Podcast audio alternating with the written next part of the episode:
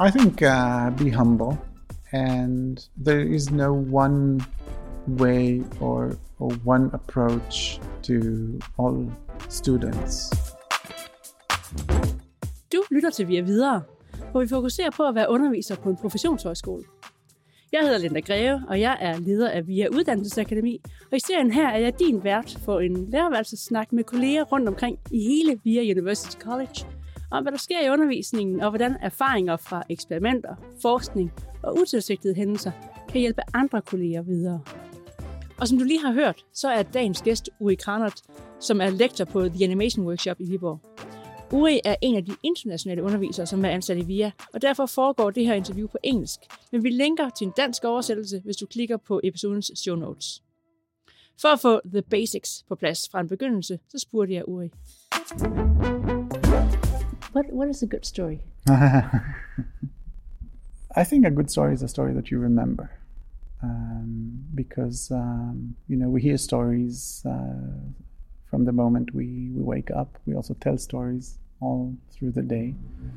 But of course, um, there are a couple of stories that stays with us for a long time or sometimes forever. Stories that we draw back to. And um, I think what could make a good story is a story that moved us, a story that made us um, identify or recognize ourselves in it but um, I, I, don't think there's just one answer to no. this big question. no, no, but and, and as a teacher, I think how how do you supervise someone while they're going through their own creative yeah. process of yeah. that story? Yeah, I think also uh, I, I, can look at my development as a, as a teacher or supervisor because it changed. Uh, I think at the beginning, when I was just doing it for the first times, I always knew how other people's stories, how they should be told, and I was very determined to to make the students understand that uh, you know what is wrong with their stories. But uh, I think as I've uh, moved and, and maybe developed my my uh, in my education of telling stories, I understood that what I'm actually doing is uh, trying to tell my stories in, instead of listening and understanding that someone else is trying to tell their stories and I should be more observant of what is it that they're trying to tell and try to support them in doing that, but not thinking of how would I tell this story. And I think that made a took me a couple of years, but that made a big shift in, in the way I try to help the students, which is uh, first and foremost understand what is it that they're trying to say, and then try to um, expose them to ways and possibilities that they probably don't know. I think um, I don't know if I'm a better storyteller, but I definitely have uh, the experience. I mean, I've been working, I've been making my own films. Um, so I think exposing them to resources and, and all kind of uh, knowledge places which they would not naturally go and check um, can open their minds yeah. towards possibilities of how to tell their story. It interests me um, that shift you talked about from wanting to help them to tell their story your way mm-hmm. into letting them tell their stories their way with your supervision. What made that shift? I think uh, maybe at the beginning frustration of, of uh, you know or, or finding out that there's too much friction and why can't they see what i see uh, and maybe um, i became more confident in what i do because uh, once you're more confident then i think you, you feel less in a position that you need to prove yourself hmm. um, and maybe it's it's uh, it's it's both and and I, I see it in, a, in there's growth in it because um, you also the feedback that you get it's very clear when something that you're saying echoing or just being discarded. And i think uh, especially in these kind of supervision uh, role you really want people to listen and and, and and and get what you're trying to tell them. Otherwise it's just you know it, it becomes a fight. And uh, it's a very delicate balance, I think. And I'm, I'm not saying that I found the you know the golden path, but maybe what what strikes me today is that of course I have my preferences and uh, the things that I like more than others, but I can definitely say that today, regardless of the of the genre of, of or you know the story that is being told is what I'm trying to focus on, even if it's wrapped in uh, I don't know in, in settings that is not my you know favorite or something that I, I get inspired by.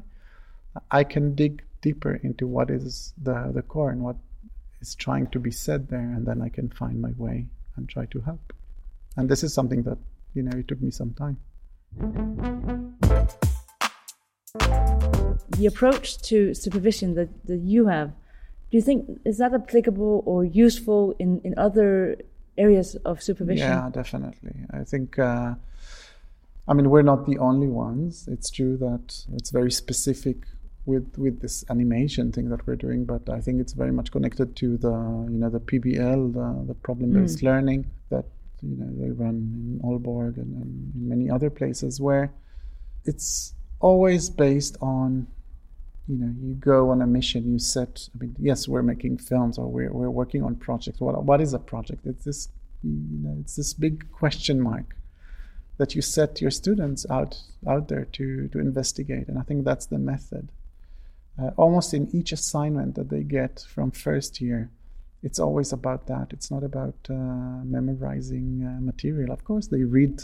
There, there's there's some readings, and, but it's um, the tasks that they get is always, you know, it's a question mark, and they need to find out what's the best way to approach it, and they're being helped or being given options of how to approach. It could, you know, it start. We it's funny because we always start with uh, bouncing ball is the most basic. Uh, it's the first animation uh, assignment that you get. How do you make a ball bounce? And you can have different balls. You have a heavy ball, or you have a ping pong ball, and, and the whole idea of, of timing and spacing and weight. This, these these are the elements of animation. But again, it's it's something you throw at them. You throw the ball, and they need to to you know. And, and this is problem based uh, learning. They they try and they fail and they, they try different approach and, and, and by doing that they um, they learn. And it starts from the first lesson on first year and of course ends with these big bachelor projects which is a you know, very complicated production pipeline. Mm-hmm. so to what extent does that group um, simulate something that they will experience once they are leaving the school? I think what we simulate is a very close uh, situation to what they encounter in the industry. Of course, there are different places. There are big studios and small studios, and they don't operate the same way. In a big studio, you usually find yourself in a position where you don't get to see the full picture. You, are mm. mostly focusing on your specific job or maybe on your department, but of course, you might not even see the director at all, right? But in medium size or small size studios, uh, you usually benefit from understanding how the you know what are the roles and how everything works, and having get get your hands dirty in all mm. these you know in constructing story and art is a big uh, benefit because uh, you understand the process. And this is what we train our, our, our students. And our main focus is the communication it's not necessarily about how amazing an artist you are. Uh, it's much more important how communicative you are and how you work in a group and how you share your work and how you uh, keep a professional working relationship even if you have uh, you know doubts in you know in decisions that are taken and mm. these kind of things and I think our students are known for, or at least you know, the feedback that we get from um, all the places they go on internships is that they are wonderful communicators, and everyone's happy to work with them. Uh, and this is something that also happens when I supervise. It's all about, you know, we have a director, but now we're going to talk about stories. So please, your mm. voices are important, and let's hear everything. And uh, I think we talk about a lot in VIA, I think, is professional identity. How do we build the professional identity of the student? And as I hear you, you are actually working with that Hmm. quite deliberately through the, the education Yeah. that they build an identity as animators. Or uh, computer graphics. My agenda, which Yeah. I, I, I believe in, is that uh, we, or at least I, really put the focus on how they come out of this student world into real life as uh, good human beings, people who, who care about uh, their surroundings, people who are good collaborators and are uh, that, that other people uh, are happy to be around them. And I think, and I've worked with many people also professionally in studios, and it was always these people that you would like to keep on working with and, and be around with, even if they're not the best, uh, you know, artists. These are the people that uh, that you want uh, by your side, and I think this is where, uh, at least, this is what I care about.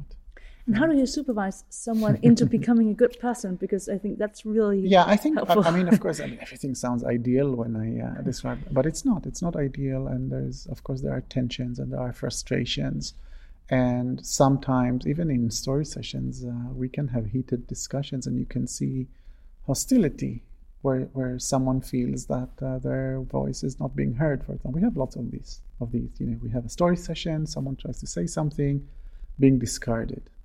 And then, for example, what we could do, I mean, if I noticed something like that, I would usually not do a confrontation on the spot. I would just, you know, we'll finish the session.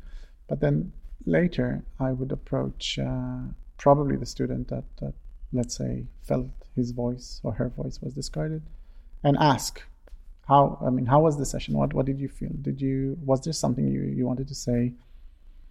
That you know you felt that there was no place for it. And and, and if you know i hear that there is a problem there then we will you know put it on the table. Maybe we do a you know talk separately to the director or do a one-on-one session or these kind of things. Um, and i think they learn from this quite a lot. And i think um, when we don't deal with these things then there's lots of the, the frustration is just uh, growing. And we have that as well I mean, we are known to have. Uh, we've always had uh, finished projects. We always have finished films. But uh, if you look under the hood of what was the process, uh, you you will see sometimes. Actually, you can see it in the films. if, if the process was not, uh, if if there were problems there, you can see it. Mm. Um, and we do postmortems. This is what we call the, you know, and uh, we d- we don't just wait for the end it's not like we finish the project and then we sit and, and, and talk about what went wrong. We do these mid-mortems and, you know, where, where we can really let things float in a polite way, but let things out there uh, and try to improve. Mm. And uh, I think this is something that, uh, at least in the professional world, is, uh, is not always uh, really uh, taken care. and I think would also be very much um, like it would be very a very good approach in any other sector probably in any other profession as well. Yeah. than ra- the, rather than uh, seeing it to the very end of the project and then looking back and saying oh yeah we should have stopped that before. Then stopping and saying okay Yeah, if, if if we are ever going to finish this Yeah, because you, you know, in the in the real world, you're always under pressure and under pressure of budgets and time, and and uh, in many cases, people just prefer to, you know, we're just going to move on with it. We don't have time to deal with the problems.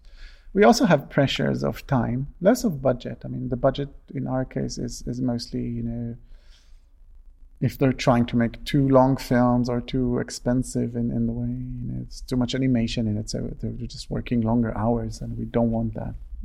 Um, so there are pressures, but I think for us, at the end of the day, it's more important that they will have a positive experience than to have uh, a finished, shiny product. Mm.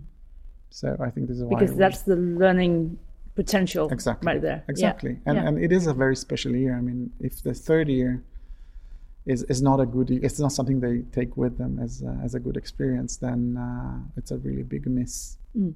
for them and for us as well would you have any advice for any other supervisor when you go into this, both the one-on-one but also the, the group supervision? What what are the what are the uh, the good advice to any supervisor who are working with students who really want to to make an answer to that big question mark? I think uh, be humble, and there is no one way or or one approach to all students. I think uh, you need to be very uh, attentive and try to read the, the groups or the class and also try to be updated with what's going on because this is also something I've discovered.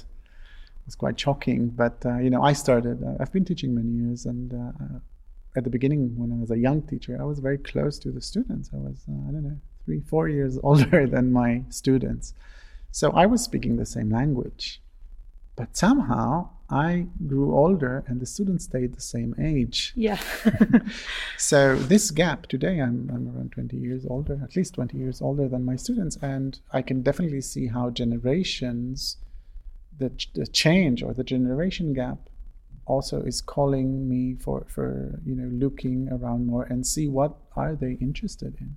What are they sources of inspiration? Of course, not don't discard them uh, even if, if you know it, it takes me a little bit longer to to really understand the references and to to draw from their references but i have to do that i have to understand where they come from in order to uh, find a way to their heart and help them and, yeah. and, and gain their trust i think gaining the trust is uh, is a key mm-hmm. Tusind tak for at give perspektiver på, hvordan nøglen til god vejledning er den tillid, som vi som undervisere skal gøre os fortjent til at få af de studerende. I næste episode snakker jeg med Peter Hornbæk Frosholm, som fortæller, hvordan han bruger podcastmediet, når han formidler viden om pædagogik. Redaktør og producer er Rikke Godfredsen. Vi høres ved. thank you